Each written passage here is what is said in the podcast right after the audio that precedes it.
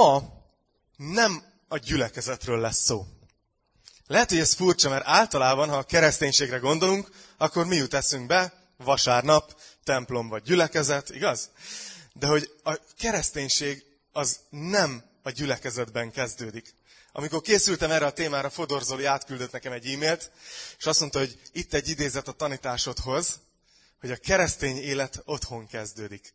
És gondolkoztam, hogy milyen igaz hogy sokkal fontosabb valahogy a keresztény életnek a, a szombat est, vagy a vasárnap estétől a szombat estig tartó része, a megélés időszaka. Ugye van egy ilyen magyar mondás, hogy hinni a templomba kell. Ki az, aki már hallotta ezt? Jó, majdnem mindenki. A többiek jó reggelt, ébredjetek föl. és uh, valahogy benne van a köztudatban, hogy a vasárnap a kereszténység, de igazából nem. Sőt, nincs olyan, hogy vasárnapi kereszténység. És nincs olyan, hogy egy külön doboz, hogy vasárnapra tartozik az én keresztény életem, ott csinálom ezeket a keresztény dolgokat, hogy gyülekezetbe járás, meg ima, meg éneklés, meg nem tudom, és vasárnaptól szombatig, utána pedig enyém az életem, köszönöm, és így az a másik életem. Tehát Isten nem azt szeretné, hogy így lenne egy keresztény dobozunk, meg egy életdobozunk, hanem hogyha ez az egész egy lenne, és az egész életünkben lennénk keresztények. Úgyhogy ez a témánk, és lehet, hogy felmerül bennetek az, hogy, hogy miért kell ezt külön kiemelni. Hogy keresztény élet. Ez nem ugyanolyan élet, mint, mint bárki más. Nem tudom, 7 milliárd, hány millió ember van még a Földön most. Hogy miért kell ezt így kiemelni, hogy keresztény élet. Hogy ez egy olyan különleges dolog, hogy a, a keresztények nem ugyanolyan normális emberek. És az a helyzet, hogy de, és ezt szeretném így az elején kiemelni. Nagyon fontos, hogy alapvetően a keresztények ugyanúgy normális, a kivétel az vegyen magára az inget. Nem tudom. Tehát a keresztények ugyanúgy normális, hétköznapi emberek, és vannak olyan keresztények, akiknek ezt kell hallani. Mert úgy élik meg, hogy attól, hogy ők keresztények, ez azt jelenti, hogy furinak kell lenni. Ismertek ilyen embereket? Valahogy olyan furcsák. És azt hiszem, hogy hallanunk kell azt, hogy nem vagyunk külön faj keresztények. Nem vagyunk jobbak más embereknél. És Isten azt szeretné, hogy hogy ne furcsák legyünk, hanem ilyen normális, igazi emberi életet éljünk egy módon. Mondok három dolgot például. Szeretné, hogyha békességbe élnénk az embertársainkkal. Azt mondja Róma 12-18, hogy ha lehetséges, amennyire tőletek telik, éljetek minden emberrel békességben. Tehát például ez is a keresztény élethez tartozik. Hogy egyszerűen csak élj békességben másokkal. Vagy például, hogy legyél jó állampolgár. Ezek, ezek még nem keresztény specifikumok, de a Biblia mondja a keresztényeknek. Azt mondja az 1 Péter 2, 13-tól 14-ig, engedelmeskedjetek minden emberi rednek az Úrért. Akár a királynak, mint a legfőbb hatalomnak, akár a helytartónak, mind akiket ő küld a gonosztevők megbüntetésére és a jót cselekvők megdicsérésére. Tehát magyarul azt tanítja a Biblia, hogy ha keresztény vagy, akkor egyébként legyél jó állampolgár. Tudod, fizes be az adót, engedj a hatóságoknak, ha ki van téve a sebességkorlátozás, akkor tiszteld. És, és ilyen egyéb dolgok, ezek ugye már most kezdtek ilyen kínosan kuncogni. Mert néha azt gondoljuk, hogy a kereszténység az a fura dolgoktól kereszténység. De néha ilyen egyszerű dolgokat mond az ige. Vagy például, lehet, hogy valakinek ezt is hallani kell. Azt mondja, hogy 1 Timóteus 5.8. Ha pedig valaki az övéiről és főként a háza népéről nem gondoskodik, az megtagadja a hitet, és rosszabb a hitetlennél. Azért ez érdekes, nem, hogy azt mondja az ige, hogy lehetsz úgy keresztény, hogy valójában rosszabb vagy, mint egy hitetlen. Ha nem gondoskodsz a családod népéről. És itt nem arról beszélek, amikor valaki olyan betegség ér, vagy olyan nehézség, hogy nem tud munkát vállalni, de hogy hallottam ilyen srácokat, akik erejük teljébe, így azt mondják, hogy én nem dolgozok, mert én az úr dolgaival akarok csak így. Ja, és hogy, ja, hogy nincs otthon mit enni, tudod? Tehát, hogy menj el, dolgozzál.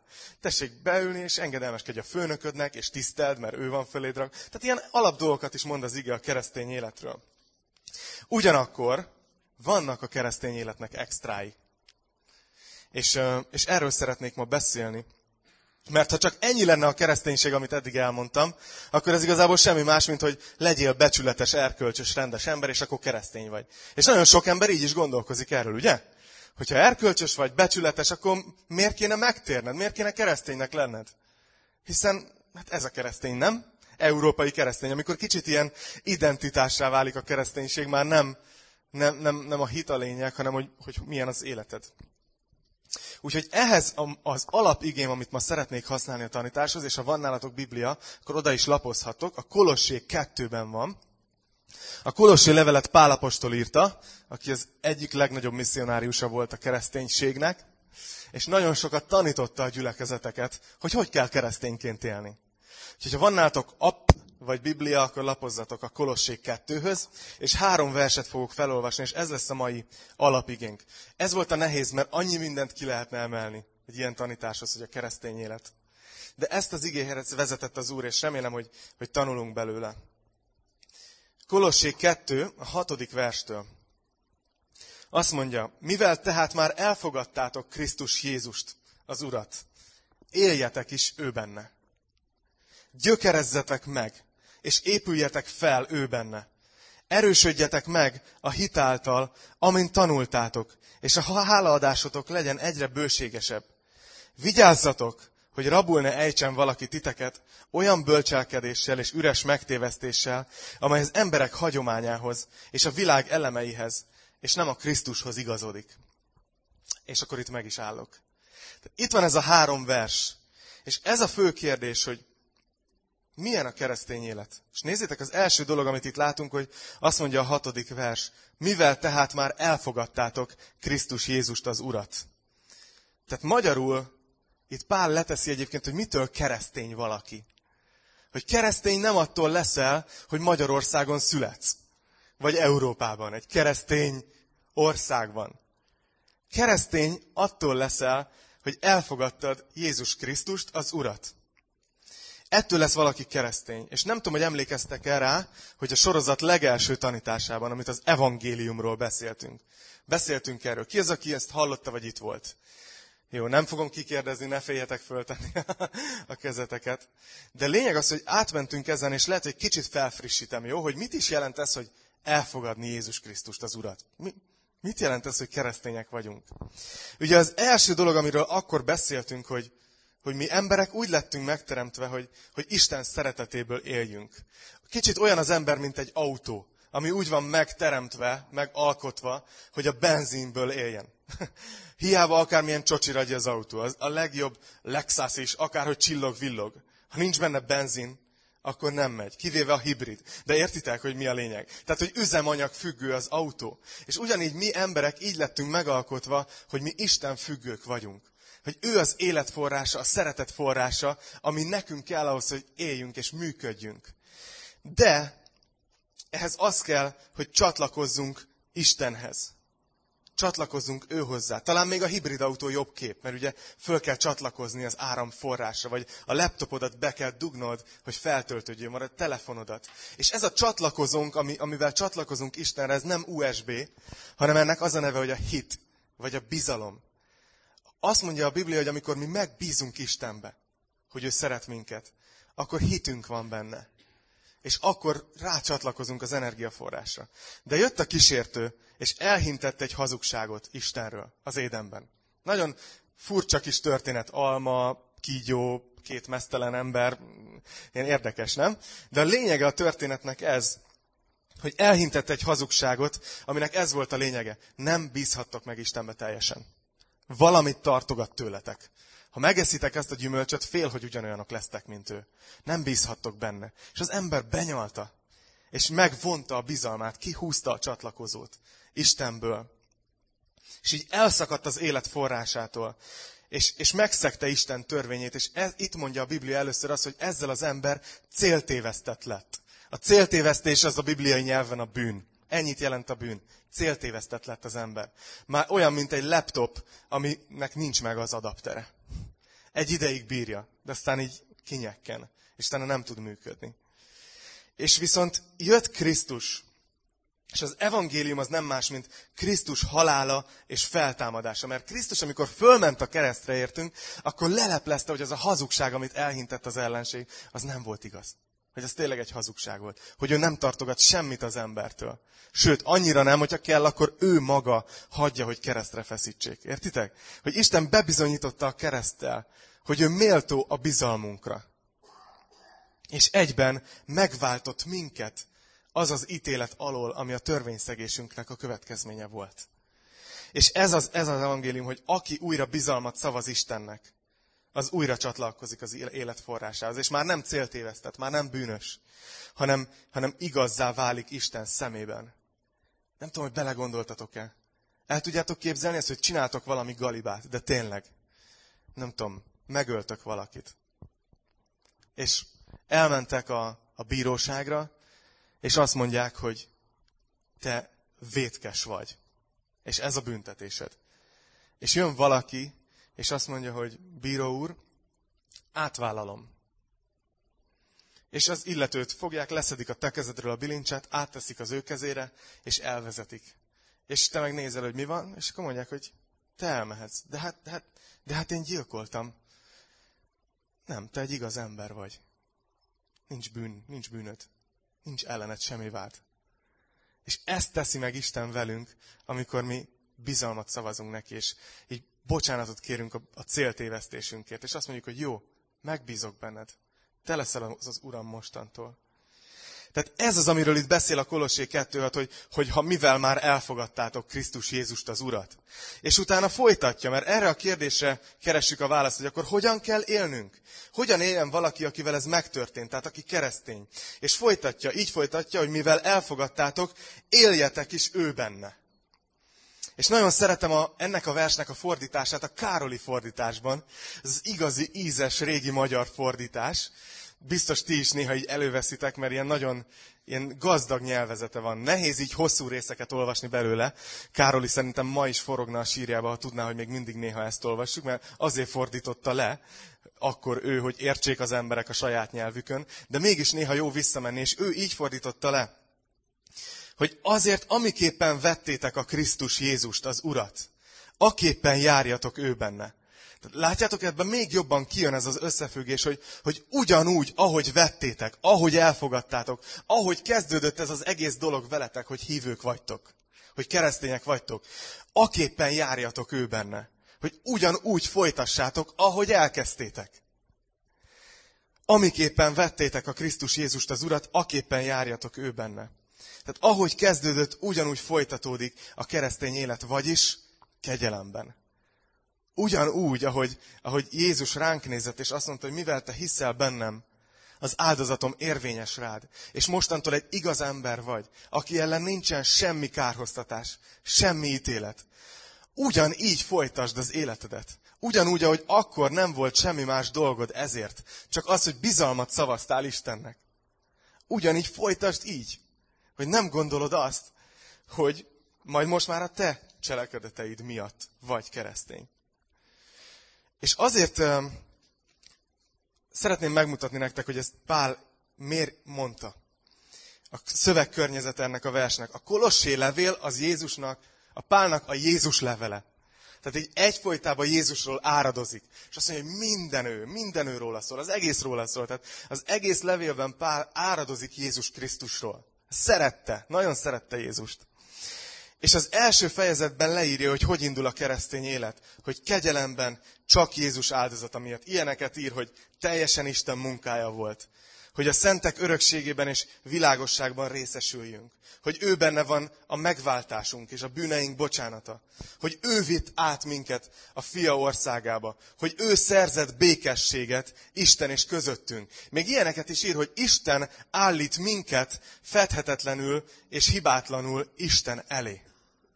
Tehát nagyon hangsúlyozza az első fejezetben, hogy a keresztény, az, hogy mi keresztények lettünk, az Isten munkája, hogy ő végezte el az egészet. Nem a mi érdemünk volt ez. És utána azt mondja, hogy miután így vettük a Krisztust, járjunk továbbra is így benne. Azért mondja ezt, mert hajlamosak vagyunk arra, hogy azt gondoljuk, hogy a kegyelem az ilyen belépő csomag volt. Hányan voltak, vagytok, akik előfizettetek már ilyen online szolgáltatásra, ahol a 30 nap ingyenes? volt. Hányan vagytok, akik véletlenül hagytátok benne a kártyainformációkat, és csak az első levonásnál vettétek észre, hogy jó, oké, okay, ez egy tudatos csapat. De hogy ugye sokan így gondolkoznak a kegyelemről, hogy igen, az a, az a kezdeti, persze elsikáljuk, rendbe vagy. de hogy utána azért szedd össze magad, és most már tessék rendes életet élni, erkölcsös, becsületes életet, mert különben annyi neked. És látjátok itt, azt mondja, hogy, hogy ahogy kezdtétek, ahogy vettétek, úgy maradjatok benne. És ezt azért mondja, mert Kolosséva megjelentek tévtanítók, akik ezt kezdték tanítani az embereknek, hogy hiszel Jézusban? Kezdésnek nem rossz. De figyelj, itt van egy mélyebb tanítás. Itt van néhány törvény, néhány szabály, amit azért csak be kell tartanod, ha igazán jó hívő akarsz lenni. És akkor kezdtek a zsidó hitből átemelni ilyen szabályokat. És oda tették a hit mellé, hogy ezt is be kell tartani. És Pál kiakad. És azt mondja róluk, nézzétek, azt tanították ugye, hogy fontos a, a teljesítmény is, és azt mondja a hetedik verstől, hogy nem, nem, nem. A keresztény élet, és ez az első legfontosabb dolog a keresztény élettel kapcsolatban, az Krisztus központú. És kegyelem alapú. Nézzétek, azt mondja, mi a dolgot keresztényként? Gyökerezzetek meg, és épüljetek fel ő benne. Erősödjetek meg a hitáltal. És utána azt mondja a nyolcadik versben, hogy vigyázzatok, nehogy valaki rabul ejtsen titeket olyan bölcselkedéssel és üres megtévesztéssel, amely az emberek hagyományához és a világ elemeihez, és nem a Krisztushoz igazodik. És aztán az egész fejezetben leír egy csomó ilyen szabály, hogy milyen szabályt tettek az akkori hívőkre. Étkezéssel, öltözködéssel, ünnepekkel, stb. kapcsolatban. Ezek ilyen mózesi törvényből átemelt és módosított ilyen kis keresztény törvénykék voltak. És nézzétek, utána levonja a, a konzekvenciát, Kolossé 2.22. versnek a második felébe, hogy, hogy Pál elmondja a véleményét, hogy ő mit gondol ezekről az emberi szabályokról, amiket ezek a tévtanítók rátettek a kolosséiakra. Nézzétek, azt mondja, hogy ezek csupán emberi parancsok és rendelések. Ezeknek a megtartása a bölcsesség látszatát kelti ugyan.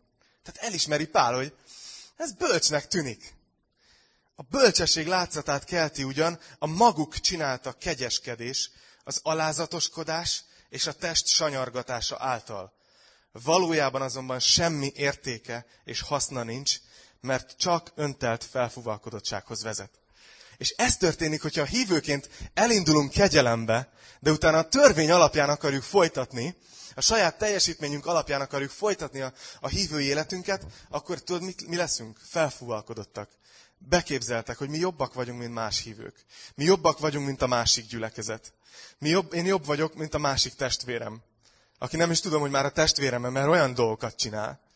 És egy öntelt felfúvalkodottsághoz vezet. Szóval itt van a keresztény élet lényegére ez a kép, amit használ Pál. És ezzel, ezzel fogok most már végigmenni. Hogy gyö, meggyökerezni Krisztusba. Látjátok, ezt mondja a hetedik vers. Hogy miután megtértél, nincs más dolgod, mint meggyökerezni Krisztusban. A gyökerezés az a kertészetből ismerős szó, nézek illésre. Ő mindent tud a gyökerekről. Volt egy pásztor, aki azt mondta, hogy, hogy jártunk gyülibe, metszegettük egymást, metszegettük, addig metszegettük, míg a végén már csak gyökerek jártunk oda. De, de ez, ez nem volt a jegyzetemben. Ez. Nem, nem ilyen értelemben van szó a gyökerekről, hanem, hanem azt mondja, hogy Krisztusba belegyökerezni. És nem tudom, hogy, hogy ti hogy vagytok ezzel, hogy kinek van otthon gyümölcsfája, vagy ilyesmi, de hogy a gyökerezés az ugye úgy történik, mi most mostanában ültettünk az elmúlt években fákat. És az első két-három évben nem látszik semmi a fán, hogy növekedne. Nagyon picit. Épp csak annyi, hogy ne vágjuk ki, tudod. Tehát kicsi reményt mutat, hogy kicsit növekszek. De azért nem, mert igazából ilyenkor lefele nő a fa. És ugyanakkor a gyökeret csinál magának legalább lefele, mint amekkora fölfele a fa. És aztán, amikor megvan ez a gyökér, akkor elkezd az egész elindulni, és nagyra nő, és, és ágakat hoz, és gyümölcsöket hoz, és aztán esszük. És azt mondja Pál, hogy a keresztény élet az ilyen, hogy mi belegyökerezünk Krisztusba, és aztán elkezdődik ez a gyümölcstermő időszak az életünkben. Van egy másik kép, amit tudok, tudok hozni a keresztény életre, hogy, hogy a keresztény élet az olyan, mint egy, mint egy, mint egy locsoló. Figyeljetek, hoztam egy ilyen jópofa kerti locsolót. A Dávid megkérdezte, hogy mi ez, kormányzár? Így reggel. Lehet, hogy úgy néz ki. Ez egy ilyen, tudjátok mi ez? Ki az, aki már látott ilyet? Ez a, ez a forgófejes, amitől menekülni kell, mert ez ugye körbe forog, és, és, és löki a, a vizet kifelé. És valójában azt hiszem, hogy ilyen egy kicsit a, a keresztény élet.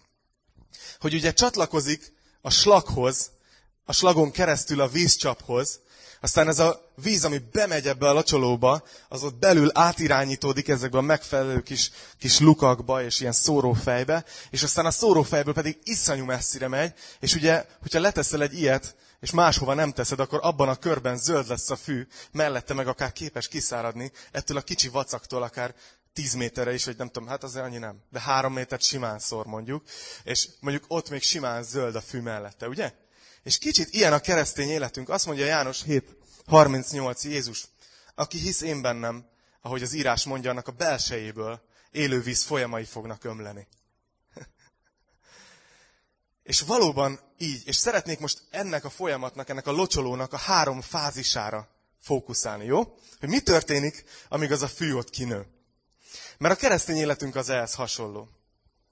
Az egyik és legfontosabb, hogy a keresztény életnek a, a nagy felelőssége, hogy, hogy engedjük, hogy Isten szeretete az belénk áradjon. Ahhoz, hogy egy locsoló tudjon locsolni, az első és legfontosabb dolog, hogy kapjon vizet, ugye? Mert benne nincsen, magától nem tud csinálni. Tehát ahhoz, hogy egy locsoló tudja teríteni a vizet, először kell víz bele. Ez ilyen óvodás biblióra. Nem baj, remélem megragad a kép. Szóval, hogyha itt van a locsolónk, és teljesen szuper kis locsoló, nagyon szép zöld, rá van csatlakoztatva a slag, ilyen, ilyen szuper gardénás csatlakozókkal, meg minden, slagból jön nagy nyomással a víz, és mégse locsol, akkor valami baj van, igaz? Akkor valami van. Nem tudom, hogy ti szenvedtek a slagokkal. Mi elég sokat. Ugye van így, hogy így megtörik a slag. Vagy valaki rálép. És akkor miért nem jön ebből, vagy csak alig jön, igaz? És szálljál már le róla. Nem, mert ennél sokkal szebben beszélünk egymással. De hogy, de hogy van ilyen.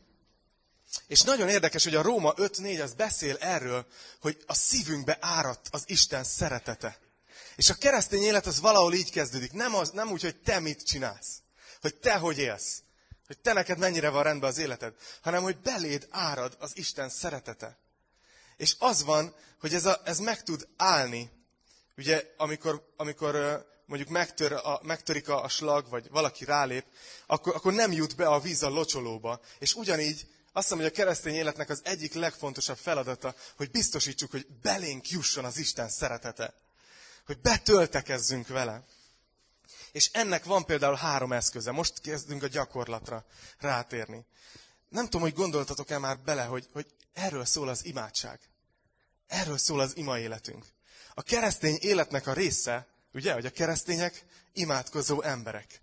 Jézus kérte, hogy imádkozzunk az ige beszél arról, hogy szüntelenül imádkozzatok.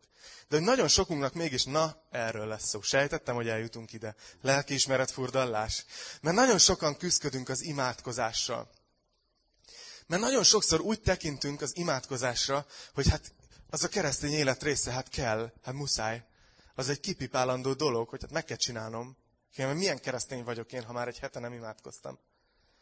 És, és tudjátok, itt azt hiszem, hogy hogy nagyon fontos ráébrednünk arra, hogy az ima az semmi más, mint, mint kapcsolattartás az atyánkkal. Hogy néha nem is, én, én sokszor imádkozok így, hogy nem is mondok semmit. Hanem csak így, csak így odaállok Isten elé, és csak így kérem, hogy így várom, hogy szavat formál, vagy miket énekeltünk, tölts tele, tölts tele, szomjazik rád a lelkem. Ezek a szavak. Amikor csak így odaállunk Istenhez, és azt mondom, hogy, hogy atyám, csak csak szeres. Csak szeretgess meg, ugye? Amikor gyerekeink odaugranak az ölünkbe, igaz? Vágynak egy kis szeretetre. Az ima az, az valami ilyen Istennel. Hogy oda megyünk, hogy hagyjuk, hogy belénk áradjon Isten szeretete. Ezért fontos része az imádság a hívő életnek. Filippi 4, 6-7 azt mondja, hogy semmiért se aggódjatok. A gyerekek ilyenek, hogy semmit nem aggódnak. De miért? Semmiért se aggódjatok, hanem imádságban és könyörgésben mindenkor háládással tárjátok fel kéréseiteket Isten előtt. És Isten békessége, amely minden értelmet meghalad, meg fogja őrizni a szíveteket és a gondolataitokat Krisztus Jézusban. Látjátok, ezt mondja az ige, hogy, hogy te nyugodtan tárt fel, ami benned van Istennek. Ez az imádkozás. És az ő jelenléte cserébe jön, és betölt békességgel, betölt erővel, iránymutatást ad. A lélekben fogsz járni, mert a lélekkel megtelsz, és egyébként örömmel is megtelsz. Tehát egyébként nem tudom, hogy tudtátok, hogy a keresztény élet az nem egy szomorú élet. A léleknek a gyümölcse, az öröm. És ez olyan jó lenne így, így megtanulnunk. Aztán itt van, ez az egyik dolog, például az imádság az egy olyan dolog, amin keresztül jöhet az Isten szeretete bele a kis locsolónkba. De van egy másik dolog, ez a Biblia olvasás. Nem azért kell, megint csak keresztény kötelességek második pont. Ne, nem. A Biblia olvasás, vagy a Biblia órák hallgatása, vagy bármilyen módon, amikor az igével kapcsolatba kerülünk, az azért csináljuk, mert ez a táplálékunk, ebből, nem tudom, hogy ti vagytok-e így, hogy így teljesen begőzöltök. Már mindenféle butaságot gondoltok Istenről. Hogy á, nem szeret, biztos elégedetlen velem, biztos, biztos elvárásai vannak, és már cicceg rám, hogy mindig nem tudom teljesíteni, hogy ennyi, ennyi, ennyi év után már azért tőled jobbat érdemelnék. És, és tudjátok, mi annyiszor velem is ez van, hogy, hogy így begőzölök, és elkezdek butaságokat gondolni. És aztán kinyitom a Bibliát, és így Isten csak így helyre rak. Szeretlek, tudod, soha nem vonom vissza. Kiválasztottalak. Örök életed van. Aki hisz bennem, még a legkiválóbbak is megbotlanak, de akik az Úrba bíznak, az erejük megújul, szárnyra kelnek, mint a sasok, és jönnek ezek az ígéretek, és egyszerűen megtelek az Isten szeretetével. És belém árad az Isten szeretete. És néha meg van törve a slag, néha kicsit ki kell igazítani. De utána viszont, jó reggelt, de utána viszont, utána viszont jön bele a locsolóba a víz. És a Biblia egyébként a mércénk is a keresztény életben, ez igaz, tehát például, ha van kérdésed párkapcsolatokról, a munkáról, bármi más ilyen nagy jelentőségi dologról az életben, a Biblia a tekintélye a keresztény embernek, de alapvetően nem egy szabálykönyvként kell rá tekintenünk, hanem hogy találkozunk Istennel. Aztán a harmadik dolog, amit lehet, hogy nem, nem olyan egyértelmű, hogy a keresztény élet része a közösség. Hogy Isten valamiért úgy találta ezt ki, hogy, hogy amikor mi itt összejövünk, vagy akár hétközben találkozunk, vagy akármikor, akkor egymáson keresztül kapjuk Isten szeretetét. Ebbe belegondoltatok már? Van egy ilyen jelenség ma a, vilá- a, a világon, hogy nagyon sok keresztény nem jár közösségbe. De ez így butaság is, mert közösségben nem jársz, annak így a része vagy. De nagyon sok kereszténynek nincs közössége. Nincsen közösségben más keresztény testvérekkel.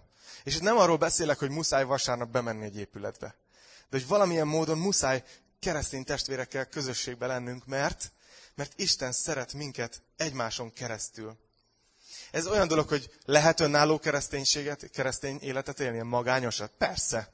Hát lehet magányos házasságot is élni, nem? Tehát összeházasodhatsz valakivel, aztán átköltözöl a föld másik oldalára. De minek? Nem? Ugyanígy egy kicsit a kereszténység is egy, egy közösségben megélt dolog. Azt mondja a zsidók 10.25. Saját gyülekezetünket ne hagyjuk el, ahogyan egyesek szokták, hanem bátorítsuk egymást. Annál is inkább, mivel látjátok, hogy közeledik ez a nap. És itt sokan ezt félre tanították már a történelem folyamán. Mert amikor egy pásztor vagy egy vezetőség félni kezd, hogy elmennek az emberek. Mert azt hiszik, hogy övék az emberek akkor néha ezt az igeverset manipulálják, és azt mondják, hogy innen nem lehet elmenni. Ez a vers ez nem erről szól, hanem az eredeti görögben azt jelenti, hogy ne hanyagoljuk el az összegyülekezést. Értitek? Hogy teljesen mindegy, hogy hol, hogy milyen stílusban, hogy milyen felekezet alatt, de legyél, le, gyűjjél össze más keresztényekkel. Azt mondja, ne hanyagoljátok ezt el, hanem bátorítsuk egymást, meg gonoszok a napok. Látjátok, hogy szükségünk van arra, hogy egymáson keresztül bátorodjunk. Abcsel 2.42, az első keresztény gyülekezet élete. Azt mondja, hogy ők pedig kitartóan részt vettek az apostoli tanításban, a közösségben, a kenyér megtörésében és az imádkozásban. Na, sokat lehetne még erről a részről, de talán lépjünk tovább. Tegyük fel, hogy minden rendben van a locsolónkkal, jó? Hogy a keresztény életünkben hagyjuk, hogy, hogy Isten szeretete tényleg belénk áramoljon. Itt nincsen semmi probléma, itt már árad befelé az Isten szeretete az életünkbe. Utána, ami történik, miután a víz bejut a locsolóba, ugye, hogy, hogy ezeken a kis, nem tudom, vájatokon, meg ilyen folyósokon keresztül bejut a megfelelő helyre, ahonnan majd kiszoródik, és közben, ami történik, hogy átmossa teljesen ezt a locsolót. Ugye belülről, tiszt, kívülről letörölgettem egy ilyen popsitörlővel, mielőtt elhoztam, mert jó poros volt ez. De belülről nem kell kitisztítani egy locsolót, mert, mert azt a víz teszi meg, ami benne van. És azt hiszem, hogy, hogy ez egy nagy képe a keresztény életnek, hogy ami, ami történik, amikor Isten szeretete belénk árad, ha ezt hagyjuk, hogy bennünk elvégez egy munkát. És a legdurvább az az, hogy e, ez a locsolónak semmi köze. Nem, nem, nem ott van a locsoló, hogy na, én most megtisztulok. Ó, de tisztulok így belülről. Hanem, hogy ha a víz jön, akkor átmos mindent. Ugye olyan ereje van, hogy átsöpör. És éppen ezért a keresztény hit az nem arról szól, hogy te, te tedd rendbe az életed, legyél jó ember, aztán higgyél, és akkor majd hozzánk kapcsolódhatsz. Hanem a keresztény hit az arról szól, hogy, hogy mindegy, csak kapcsolódj Istenhez, csak higgyél, és majd ő kipucolja az életedet. Értitek a, a különbséget? Hogy, hogy az ige, az Isten szeretete végzi el bennünk ezt a tisztító munkát, amit úgy hív az ige, hogy megszentelődés. Hogy igen, Isten úgy szeret minket, ahogy vagyunk. De túlságosan szeret minket ahhoz, hogy úgy is hagyjon, ahogy vagyunk. És ő valóban így végez egy ilyen tisztító munkát. Azt mondja a Filippi 1.6. Éppen ezért meg vagyok győződve arról, hogy aki elkezdte bennetek a jó munkát, elvégzi Krisztus Jézus napjára. Vagy például itt van a zsidó 10.14. Mert egyetlen áldozattal örökre tökéletessé tette a megszentelteket. És itt az eredeti nyelvben az van, hogy egyetlen áldozattal örökre tökéletessé tette azokat, akiket most éppen megszentel. Tehát, hogy furcsa, hogy ez a két dolog van a keresztény életben, hogy a legelején Isten igaznak nyilvánít. Ez a megigazulás. Ha így akartok így gizdulni a teológiai tudásokkal, akkor használjatok ilyen szavakat beszélgetésetekben, hogy megigazulás. ez egy ilyen teológiai szó. De hogy Isten igaznak fogad el. De utána az egész életünkben történik egy másik folyamat, amit úgy hívnak, hogy megszentelődés. Hogy Isten kipucolja a dzsuvát az életünkből. És néha, nem tudom, hogy vagytok-e így, amikor mondjuk csatornát tisztítotok, hogy meglepődtök, hogy ez volt ott lent. És néha így vagyunk az élettel is, hogy, hogy mikor így felszíre jönnek a dolgok az életünkbe, akkor így, uh, nem is tudtam, hogy ez van bennem. De hála Istennek, hogy kitakarítja ezt az összes dolgot belőlem. Ezért van az, hogy Pálapostól az egyik első levelében még azt írta, hogy ó, én, én megyek egyenesen a cél felé, és neki feszülök, és gyerünk. És az utolsó levelében azt mondja, hogy igaz beszéd ez, hogy Jézus Krisztus azért jött a világra, hogy megmentse a bűnösöket, akik közül az első vagyok én. Nem múlt időt használ. Mert Pál értette, miután leélte a keresztény életét, hogy ő nem volt egy jó csávó. Mi sem vagyunk azok. Hogy, hogy ő egy bűnös, aki meg van mentve. Na és akkor a harmadik szakasz, és ez a záró szakasz. Amikor ugye bemegy a víz a locsolóba, és utána átmegy a locsolón, utána viszont elkezd itt kijönni, és elkezd szóródni mindenfele. Ugye, hogyha, hogyha az nem történik meg, ha mondjuk kiteszed a locsolót, megnyitod a csapot, és nem történik semmi, Először végignézed a slagot, hogy nincs sehol megtörve, de tegyük fel, hogy minden rendben van, a csatlakozó tényleg rá csatlakozik, és még közelmész, és hallod is, hogy zörög az egész, de nem tud kijönni a víz belőle az valószínűleg azért van, mert belül van valami dugulás. Vagy főleg még ezek a másik fajta locsolók, amik így, így terítenek, tudjátok? Ott ezek a kicsi lukak így el tudnak tömődni, és szinte már alig jön belőle a víz. És azt hiszem, hogy itt a, a harmadik lépése a keresztény életnek, hogy, hogy, hogy ki kell áradnia Isten szeretetének. Isten szeretete nem céltalanul jön belénk. Nem csak azért, hogy mi jól érezzük magunkat, és jól esik ez a víz itt bennem, hanem azért szeret minket Isten, hogy egy munkát végezzen bennünk, és aztán rajtunk keresztül a környezetünkbe. És nem tudom, hogy, hogy ti vagytok-e így, hogy azért, hogyha egy, egy locsoló nem locsol, akkor annak, annak mi értelme van? Hogy a locsoló az azért van kitalálva, nem? Hogy, hogy terítse a vizet. És ugyanígy a keresztény élet az arra van kitalálva, hogy terítse Isten szeretetét. És azt, azt szeretném, hogyha látnátok, hogy, hogy a locsoló nem nagyon tehet róla. Ha minden rendben, ha belemegy, és ha Isten kitisztította, akkor ez fogja szórni a, a vizet. Úgyhogy ezt akartam nektek mondani. És két dolog, ami ezzel kapcsolatban gyakor, gyakorlatiasan van az életünkben. Az egyik az a szolgálat. Nem tudom, ez a keresztény gyülekezetekben biztos szembe jön ez a szó, szolgálat. Szolgáló csapattali. Valaki ma szolgálatban van, megkapjátok a szolgálók beosztását, szolgálat, szolgálat, szolgálat. Mennyit beszélünk erről a szóról. De igazából, ami történik, az az, hogy Isten felhasználja az ajándékainkat, és az egész életünket, hogy mások megkapják az ő szeretetét. Erről szól a szolgálat. És lehet, hogy ilyen furcsának tűnik, de az, hogy, hogy Jocó elindítja a kamerát, az miatt valakikhez eljut Isten szeretete. Amiatt, hogy Tomi tekergeti, és beindítja a diktafont, amiatt valakihez eljut Isten szeretete. Vagy az, hogy, hogy Rajmi lépteti, vagy Marci, vagy Zotyó éppen a, a vetítést. Ugye? Abból ti átélitek újra és újra Isten szeretetét a dalokon keresztül. De a többsége a gyülekezetnek az nem is itt szolgál bent az Isten tiszteleti alkalmakon, és nem is kellene. Vannak, akik azért mennek el egy gyülekezetből, mert nem volt semmi szolgálatom. Hm? Hát szerintem egy nagyon kis része a gyülekezetnek az, aki a gyülekezeti alkalmon tud szolgálni. De Isten akarja, hogy akárhol vagyunk, akárhova van letéve ez a locsoló, ott adjuk tovább az ő szeretetét. Lehet, hogy a munkatársadnak. Lehet, hogy valaki, akit látsz, hogy a busz, busz megállóba össze van omolva. Nem tudom, akármi van. Csak add tovább. Csak áradjon ki belőled.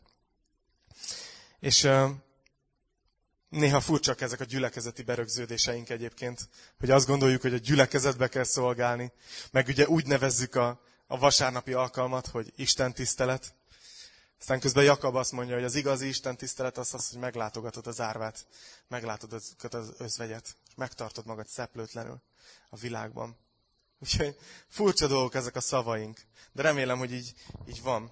Azt mondja az Efézus 4.12-ben ide, ez a kapcsolódó igeversem, hogy ő adott, Isten adott némelyeket apostolokul, másokat profétákul, ismét másokat evangélistákul, vagy pásztorokul és tanítókul.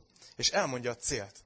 Elmondja, hogy miért van az, hogy a gyülekezetben vannak apostolok, proféták, pásztorok, tanítók és evangélisták. Azt mondja, hogy azért, hogy felkészítse a szenteket a szolgálat végzésére. Látjátok, hogy, hogy mi szolgálatban vagyunk. És az én feladatom segíteni nektek ebben.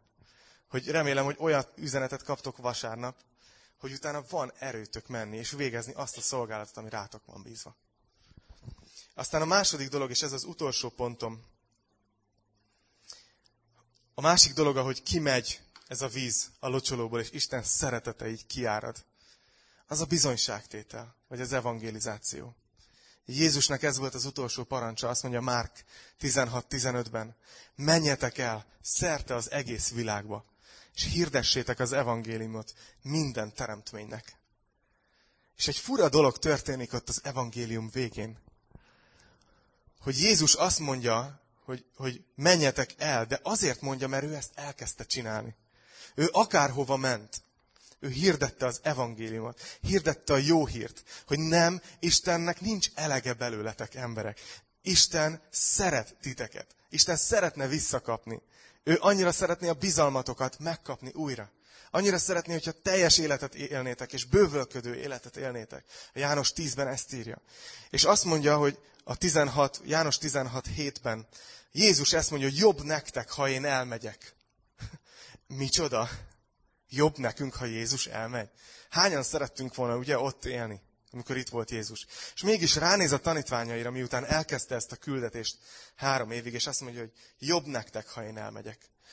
Mert ha nem megyek el, a pártfogó nem jön el hozzátok. Ha pedig elmegyek, elküldöm őt hozzátok. És amikor eljön, leleplezi a világ előtt, hogy mi a bűn, mi az igazság, és mi az ítélet. Szóval látjátok, Jézus bevon minket ebbe a küldetésbe. Hogy ő nagyon szeretné, hogyha az az emberiség, ami bezárkozott ő előtte, és bizalmatlan lett, az szívenként egyesével visszakapcsolódna az életforrására. Ha emberek egyesével úgy döntenének, hogy én megbízok az Istenbe, hogy szeret.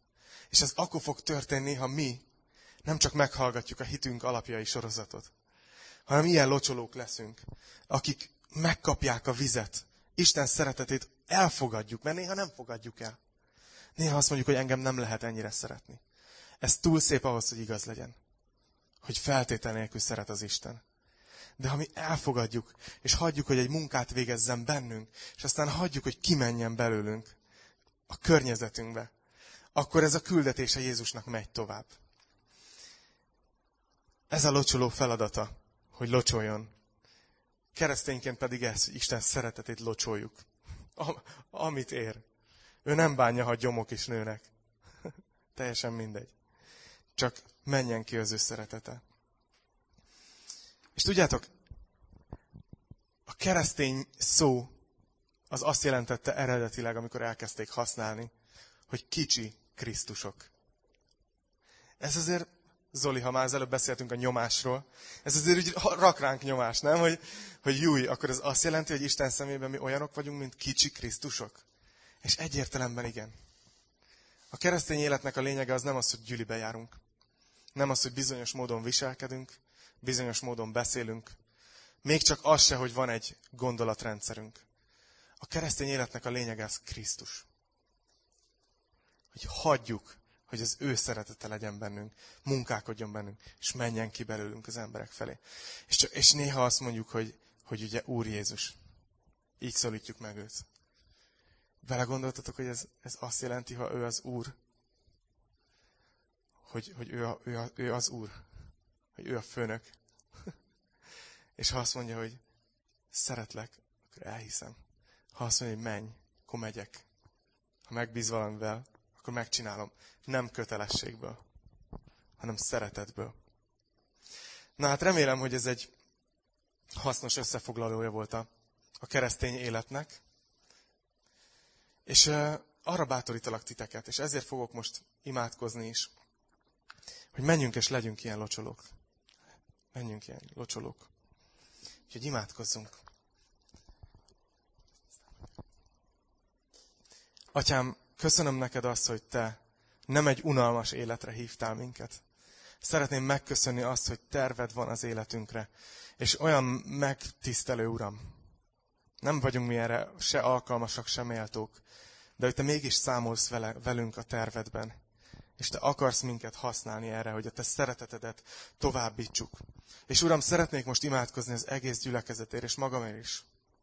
Szeretnék imádkozni azokért, akik, akik úgy érzik, hogy most nem tudják elfogadni a te szeretetedet. Hogy nagyon rég érezték azt utoljára, hogy, hogy úgy áramlik beléjük a te szereteted, Uram. Imádkozom most értük, Uram, hogy, hogy egyenesítsd ki a slagot. Hogy cseréld ki új slagra, ha kell. De hogy ne legyen semmi akadálya, Uram, annak, hogy a te szereteted az elérje a szívüket, és hogy beengedjék, hogy bemerjék engedni ezt, Uram. Uram, imádkozok, hogy a te szereteted, az végezze bennünk ezt a megtisztító munkát. És imádkozom azért is, hogy legyünk egymással türelmesek, Uram, adj nekünk türelmet egymás felé, amíg tart a megszentelődés. Hogy mi is tudjuk ezt mondani egymásnak, hogy meg vagyunk győződve, hogy befejezzed a munkát, amit elkezdtél. De Uram, szeretnélek imádkozni külön ezért, hogy rajtunk keresztül engedd meg, hogy kiáradjon a szereteted. Engedd, hogy nagyon messzire szórjuk, de akár közelbe is szórjuk. Szeretnék imádkozni, Uram, hogy a Te evangéliumod áradjon ki ebben az országban. Imádkozom a Te gyülekezetedért, hogy valóban vágyjunk is erre, hogy ne elégedjünk meg, meg abban, Uram, hogy tudunk a Te szeretetedről, hanem hogy, hogy legyünk készen arra, hogy ez az áramlás, ez történjen az életünkből. Befogadni a szeretetedet, és tovább engedni, Uram. Kérlek, add, hogy ez, ha valakinél leállt ez a folyamat már, Uram, és el van dugulva az élete. Kérlek, hogy ma így indítsd újra, törj át falakat. Kérlek, hogy ahogy, ahogy emlékszünk így az úrvacsorában a te áldozatodra, Krisztus, ahonnan az első forrás fakadt. Uram, ahogy dicsőítünk téged ma, kérlek, hogy így indítsd el bennünk ezt az áramlást. hogy tudjuk élni a keresztény életet kegyelemben, úgy, ahogy kezdődött, úgy tudjuk folytatni. A te nevedben, Jézus. Amen.